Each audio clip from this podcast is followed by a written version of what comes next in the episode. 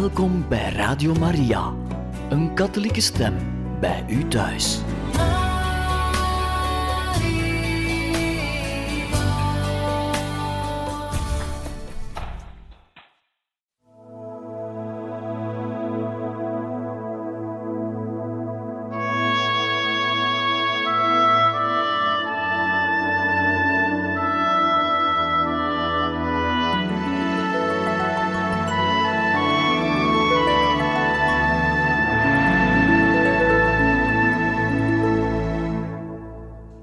Beste luisteraars van Radio Maria, welkom in het programma Heiligen Getuigen. Wij gaan verder met het voorlezen uit het boek Wij worden geboren om nooit meer te sterven, het verhaal van Chiara Corbella Petrillo. We zijn nog altijd bezig in hoofdstuk 4 met de titel Francesco en de draak. En Chiara is volop bezig met de behandeling van de tumor in haar mond en de lymfeklieren. Hoewel de zware behandelingen in september gestopt waren, kon Chiara toch niet onmiddellijk het gewone leven weer oppikken.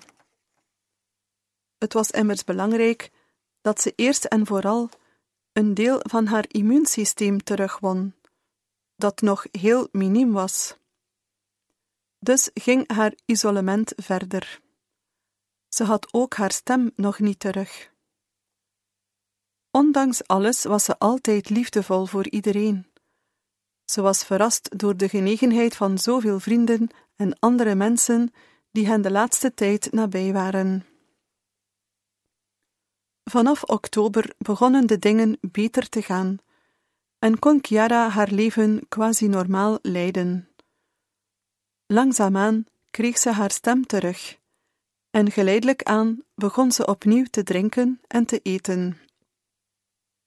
In januari was zij begonnen met een job bij de ACLI, de Christelijke Associatie van Italiaanse Werkers, waar hierboven al naar verwezen werd. Maar later had ze dat engagement moeten onderbreken voor de zwangerschap. Nu ze beter was, wilde ze het weer opnemen. Ze wilde afmaken waar ze aan begonnen was. Chiara was bang om half werk te leveren. Ze dacht erover na wat een moeder zou doen, en ze dacht dat het het beste was om een job te kiezen die het mogelijk maakte om veel tijd met de kinderen door te brengen.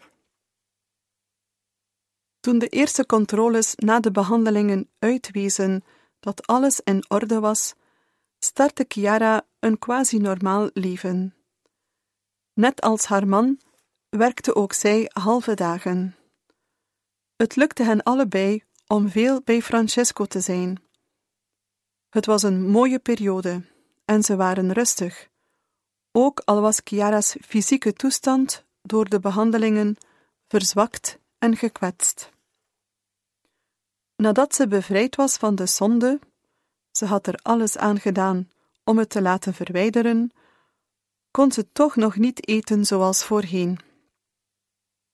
De bestraling aan de hals had ervoor gezorgd dat bijna alle speekselproductie weg was, waardoor ze vaak moest drinken.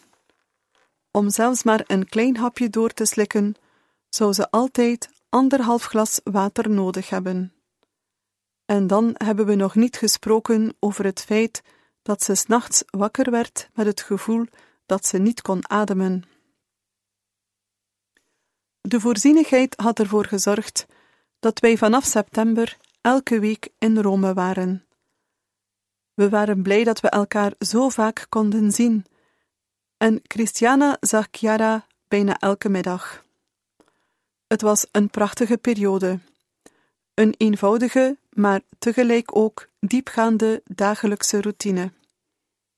Er waren ook moeilijke momenten, maar die werden verlicht door een vreugde die alles veranderde. Chiara's vertrouwen groeide altijd maar meer. Het feit dat Francesco het zo goed met Christiana kon vinden, hij die het moeilijk vond om bij iemand te zijn die niet mama of papa was, beschouwde ze als een geschenk. Enrico en Chiara volgden een cursus catechese, ontworpen door Don Fabio Rossini. Ze waren heel enthousiast. Het verlichtte en ontlastte hen. Chiara vertelde hoezeer dat traject haar geholpen had om hun situatie scherp te stellen.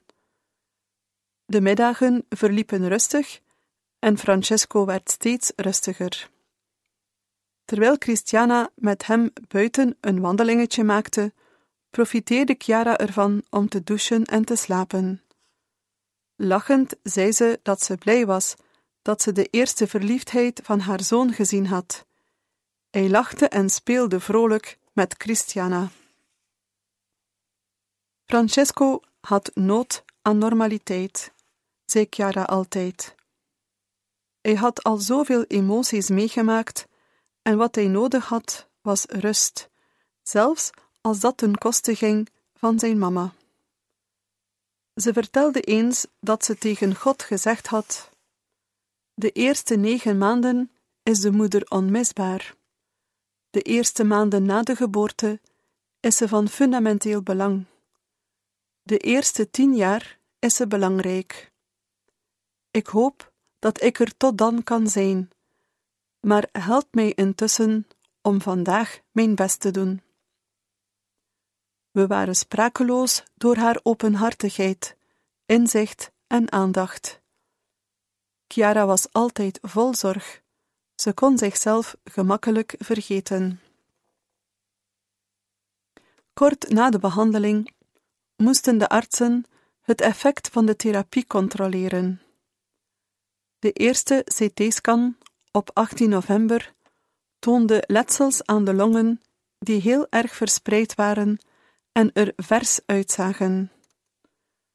Het was een beeld dat verraste. Want sinds de laatste PET-scan waren er bijna vier en een halve maand voorbij gegaan en Chiara had in die tussentijd de behandelingen ondergaan. Ze dachten dus dat de letsels juist veroorzaakt werden door deze behandelingen, dat ze dus een resultaat waren van de chemotherapie, een interstitiële longontsteking. Niemand kon weten dat de draak zich onder de ontsteking verborgen hield en akelig gevorderd was. Om de twijfel weg te nemen, moest ze spoedig opnieuw worden gecontroleerd in januari. Op 16 december werd de kleine Francesco gedoopt. Meter en Peter waren Daniela en haar echtgenoot Massimiliano, die Juan Diego toevoegden aan de naam van het kindje. De doopviering vond plaats in de kerk van Onze Vrouw van Guadalupe, een parochie dichtbij die van Enrico en Chiara in de Via Aurelia. Francesco had die dag een beetje koorts, en omdat hij niet bij de ouders en de vrienden kon blijven voor het feest, zorgden de grootouders voor hem. Chiara was heel blij dat haar zoontje deze genade ontvangen had. Ook zij hadden, net als Juan Diego, ontdekt dat ze zich konden toevertrouwen aan een moeder die altijd klaar stond om hen met haar aanwezigheid te steunen. Tijdens de homilie sprak Pater Vito over het evangelie dat vertelde over de moord op de onschuldige kinderen.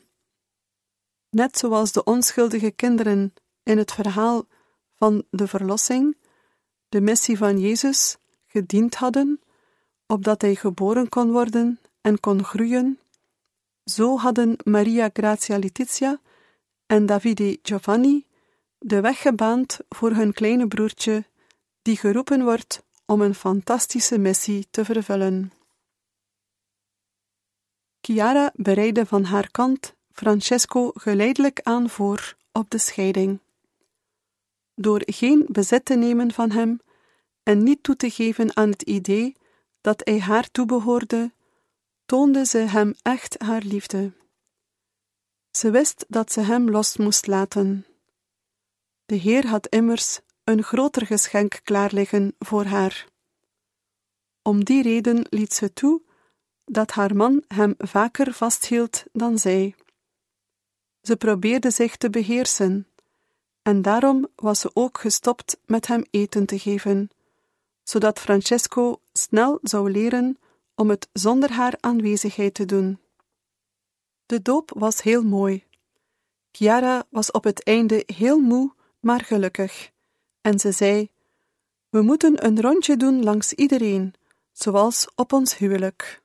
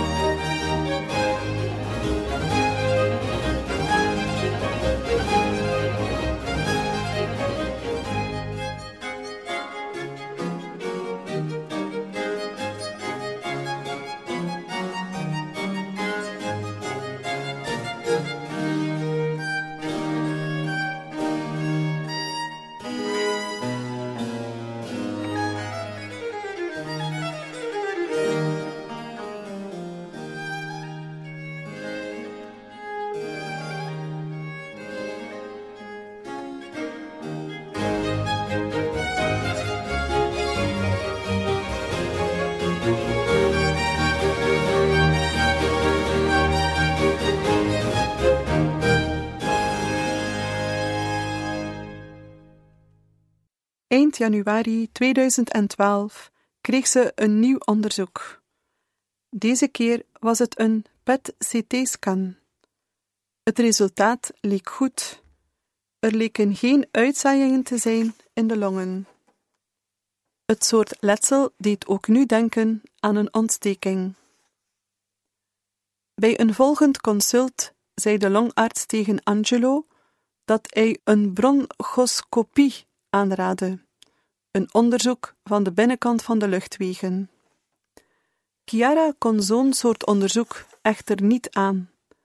Ze was heel moe. Ze besloten dat ze haar gewoon zouden laten testen voor de longontsteking. En dan zouden ze op basis van de resultaten de geschikte antibiotica kiezen. Ze controleerden alles: de kans op schimmels en op tuberculose door een laag immuunsysteem als gevolg van de behandelingen. Daarna begon Chiara met de antibiotica.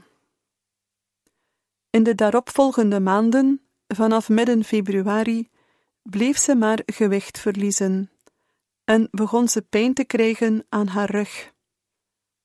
Er kwamen ook al een poosje bloedsporen uit haar mond. maar ze was niet echt bezorgd over haar rug. Ze maakte grapjes over het feit dat ze al oud was en ze hoopte dat de dingen na een tijdje beter zouden gaan. De waarheid was dat de pijn soms zo sterk was dat het haar weer hield om Francesco vast te houden, of dat ze zelfs onbeweeglijk in bed lag.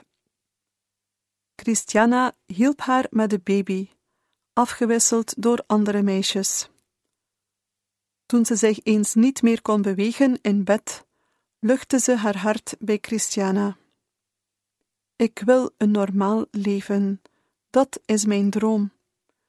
Vito zei me dat ik dat moest loslaten, maar ik vind het moeilijk. Misschien is het net door dat idee dat we verstrikt geraakt zijn en zijn we verkeerd gelopen omdat we naar deze gezegende normaliteit verlangen. Ik zou zelfvoorzienend willen zijn, zoals iedereen, en het lukt me niet eens om mijn eigen kind vast te houden. Waarom is dit mijn weg? Vito zei me dat ik nog in de fase ben waarin Job zichzelf krabt met een potscherf. Ik word niet nog een keer boos op God, maar ik vraag hem wel: wat moet ik meer doen?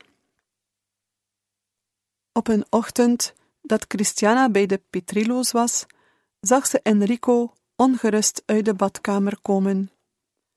Hij had gemerkt dat zijn vrouw bloed ophoestte, en hij had ontdekt dat dat al een tijdje gaande was. Het nieuws dat het gewoon om een longontsteking ging, bood troost, maar het nam de moeilijkheden en de twijfels niet weg. Chiara werd steeds magerder. Haar hoest kon veroorzaakt zijn door een reflux of door het feit dat ze niet normaal kon slikken. Bovendien had Francesco nachtelijke crisissen. Soms vergezelde Christiana Chiara bij de kinderarts. Chiara noemde haar haar Poolse babysitter.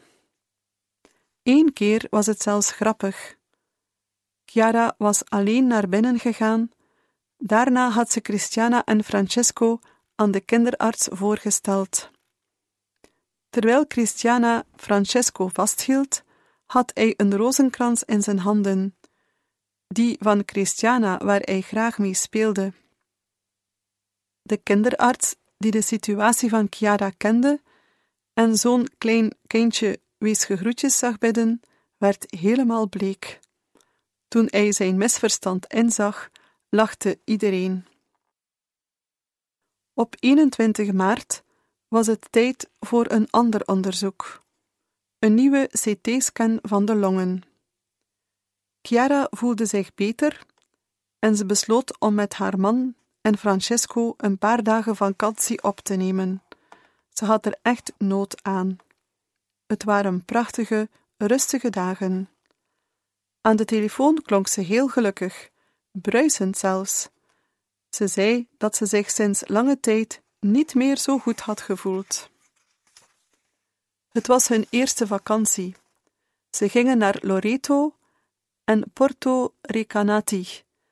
En daarna, op de terugweg, stopten ze in Assisi, waar ze een paar vrienden uit Rome terugzagen. Wij waren daar ook bij. Het was 25 maart, de dag van de aankondiging van de Heer, Maria Boodschap. Chiara en Enrico wijden hun kindje in de Porciuncola toe aan de handen van Maria. Het Evangelie nodigde ons uit om bereid te zijn om ons eigen leven te verliezen en zo het eeuwige leven te vinden. We lunchten samen. Het was een zorgeloze en vrolijke maaltijd. Chiara voelde zich moe na het eten. Ze had moeite met lopen.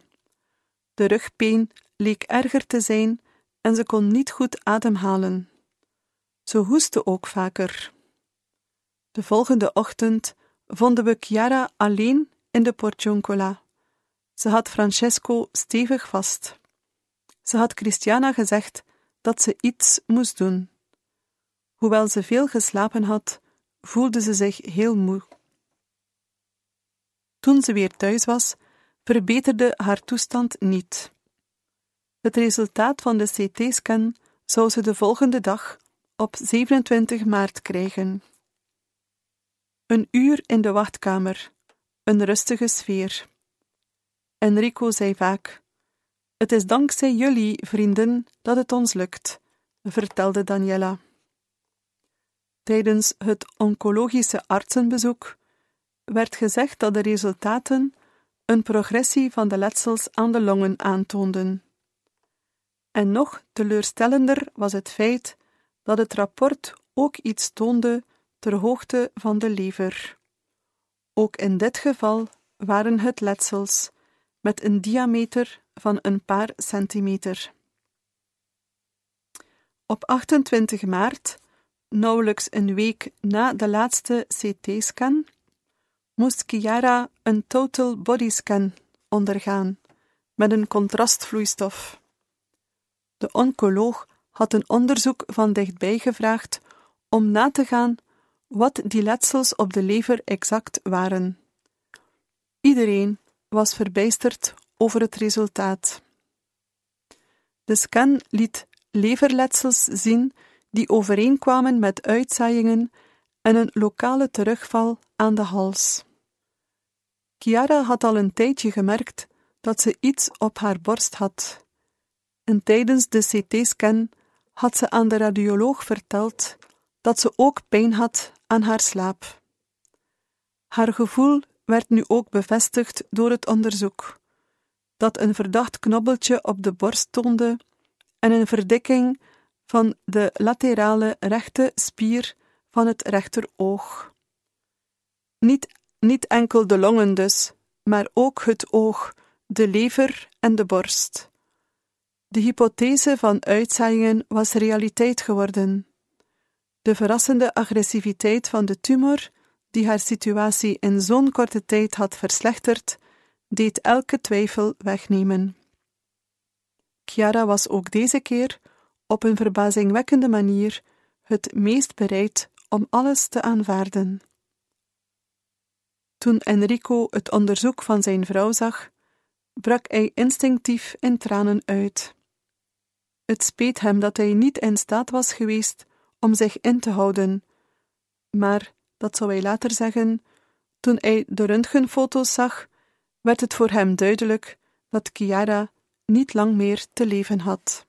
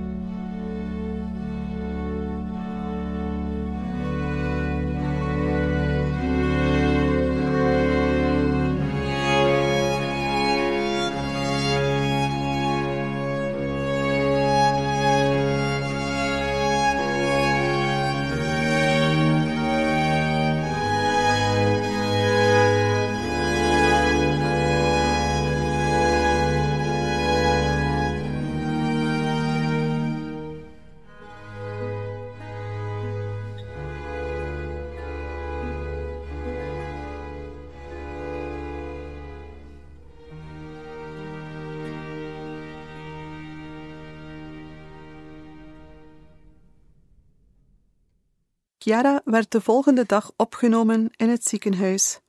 Dat was op 29 maart. In het Fattibeni Fratelli ziekenhuis kreeg ze een sterke antibiotica-behandeling toegediend. Ze hoopten dat die nuttig zou zijn. Er was nog een laatste onderzoek dat ze moest ondergaan: een leverbiopsie, die het beeld van de uitzaaiingen moest vervolledigen. Chiara was geërgerd. Ze kon geen ziekenhuis meer zien, en de scheiding van Enrico was veel te zwaar na de mooie dagen die ze samen hadden doorgebracht. Het was pijnlijk voor Christiana om Chiara zo te horen spreken. Aanvaarden dat ze Chiara zou verliezen, kostte haar veel moeite. Dat was voor haar de moeilijkste stap. Na een paar dagen hervond Chiara toch haar kalmte. Christiana ging naar het ziekenhuis en ze vond onmiddellijk de kamer van haar vriendin, omdat daar gelach te horen was. Daniela en Lucia waren er ook. Chiara was haar memoires aan het schrijven, zoals Pater Vito gevraagd had. Nu weet ik dat dit mijn memoires zullen zijn, zet ik ook Daniela's telefoonnummer erin, zodat iedereen bij haar langs kan gaan als ze gepubliceerd worden. Ik maak reclame voor jou, zei ze lachend. Die kamer met haar aanwezigheid was wonderlijk. Je kwam er hernieuwd naar buiten. Het feit dat ze ver weg was van Enrico drukte enorm zwaar op Chiara. Ze vertelde hoe goed hij kon omgaan met Francesco. Als ze kon, bracht ze tijd door met hem op het terras van het ziekenhuis. Ze wilde bij hem zijn, maar niet opgesloten op een ziekenzaal. Samen gaven ze het brood van het middageten dat Chiara niet kon eten aan de duiven. Ze lachte ook daar, in het ziekenhuis, waar ze een blauw t-shirt droeg met een stuk tekst uit het Evangelie van Johannes erop, dat ging over de Zoon van God. Chiara werd van een eenspersoonkamer overgeplaatst naar een driepersoonskamer, waar ze in het midden lag, naast een zuster. Het was een verandering die haar gelukkig maakte. Chiara overlaadde de zuster met attenties. Enrico, die altijd bang was geweest om verlaten te worden, beleefde intussen angstige uren. Hij was alleen thuis met Francesco en ook voor hem was deze week, waarin Chiara zo ver weg was, zwaar, de verschrikkelijkste uit zijn leven. Dit moment, tegen zijn wil in te moeten doormaken, zou een voorbereiding zijn. Deze afstand versterkte hun liefde nog meer. Deze scheiding was echt heel heftig, vertelde hij. Elkaar wederzijds niet kunnen troosten, zelfs niet met een simpele blik of een simpele omhelzing. Misschien deed het ons nog meer lijden, omdat elk van ons steeds de ander een beetje dichter bij God bracht, en we nu niet in staat waren om dat te doen, omdat we ver van elkaar waren. Op 31 maart gingen Enrico en Francesco samen met andere families bidden bij het graf van Johannes Paulus II. Het was een pelgrimstocht die Enrico en Chiara een paar dagen daarvoor al alleen gedaan hadden. Op zondag 1 april wilde Chiara met haar man naar de mis gaan. De verpleegster herinnerde haar eraan dat het momenteel haar enige verplichting was dat ze de antibiotica moest innemen. Toen het ziekenhuispersoneel haar zocht, ontdekten ze dat Chiara naar huis was gegaan, een douche had genomen en met Enrico naar de mis was gegaan. De verpleegster had gewoon bedoeld dat ze een beetje verder weg kon gaan van de afdeling, niet dat ze weg mocht uit het ziekenhuis. Chiara kreeg een serieuze berisping voor dat misverstand. Vanuit haar kamer, binnen de afdeling oncologie, was er tijdens die dagen gelach en vreugde te horen, alsof ze zich ergens anders bevonden. Chiara bracht het gesprek nooit op zichzelf, maar het ging altijd over anderen, vooral over Francesco en zijn behoeften. Ze leed, maar ze droeg het dapper. De leverbiopsie was gepland op 2 april. Daniela had heel vaak het gekwelde lichaam van Chiara gezien, haar schoonheid en haar intacte sereniteit tijdens de beproeving. In de wachtkamer werd ze op een draagbaar gelegd. Daniela bleef bij haar. Ze stond naast haar, zonder iets te zeggen. Toen ze onder de apparatuur ging, werden ze gedwongen om een beetje afstand tussen hen te brengen. Ze waren bijna een bedbreedte van elkaar verwijderd, maar ze hielden toch nog elkaars hand vast, met de rozenkrans. De afstand verplichtte Daniela om naar voren te leunen. Chiara verontschuldigde zich voor de ongemakken die ze haar bezorgde. Daniela zag hoe mager Chiara was. Het onderzoek gebeurde vrij hoog, een beetje onder het borstbeen. Ze was zo mager dat de naald maar een stukje binnenkwam. De naald die gebruikt werd voor het onderzoek was bijna helemaal buiten haar lichaam. In die 25 jaar dat ze daar werkte, had de verpleegster nog nooit zo'n mooie jonge vrouw gezien, die alles met een glimlach tegemoet ging. Die avond zou Chiara een berichtje sturen aan Daniela om haar te bedanken, omdat ze haar hand had vastgehouden. Een gebaar dat het verschil had gemaakt. Voordat het onderzoek begon, had Daniela haar met de nodige moed gevraagd waarvoor ze zou willen bidden. Ze veronderstelde dat ze iets zou vragen voor zichzelf, om het hoofd te kunnen bieden aan de angst voor wat haar te wachten stond. Chiara antwoordde: Bid voor Gaia, omdat ze haar ziekte nog niet aanvaard heeft. Gaia was een meisje dat al verschillende jaren een tumor had, en Chiara bad voor haar sinds ze haar verhaal kende.